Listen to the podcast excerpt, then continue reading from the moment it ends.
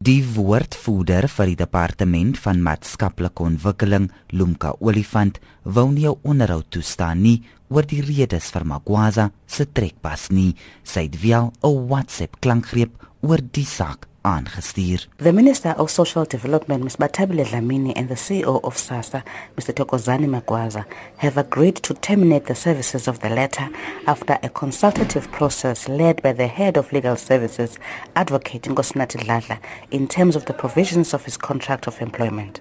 The department would like to thank Mr. Magwaza for the role he played as a CEO of SASSA. Die voorsitter van die parlement se staande komitee oor openbare rekeninge, Temba Godi, sê Magwaza het groot dreigemente ontvang. Those who have been threatening him telephonically and physically tailing his movements and chasing him around and those in the Department of Social Development who have offered him no protection and in fact piled on the pressure on him. Godi glo egter dat Magwaza afgedank is en nie ingestem het om te bedank nie. My understanding is that actually the minister wrote to Mr. Magwaza and told him that she wants him out because their relationship has broken irrevocably because Mr. Magwaza had all along indicated he's not going to resign unless he's fired.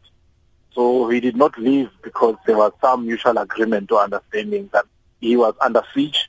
Die DA se skade minister vir maatskaplike ontwikkeling, Bridget Masangu, sê hulle is bekommerd oor die toekoms van maatskaplike toela uitbetalings wat volgende jaar deur die poskantoor hanteer moet word. The timing of the parting of the CEO with SASSA is quite sort of worrying because the CEO was at the forefront of finalizing the arrangements to work with SAPO on the institutionalization of the grant payment system and to have SAPO play a big role in this because SAPO actually has experience in dispersing grants. Also, we have this deadline of, of March 2018. Die burgerregte groep Outa het die dreigemente teen Makwaza veroordeel. 'n Woordvoerder, Dominique Msibi, sê hulle vermoed daar is ander redes vir sy bedanking. The work team were the brainchild of the minister, and they were supposed to implement a system that would replace the system that is in place implemented by CPS Paymaster. And then during the time that they have been working, there is very little to show um, by way of progress reports. And now Magwaza comes out and cancels their contract and less than a week, two weeks later, he is resigning.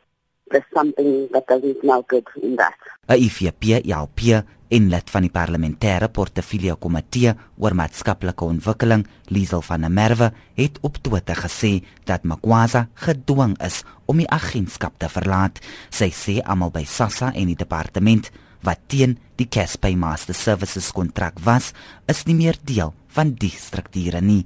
Jean Estreisen, SAICanis.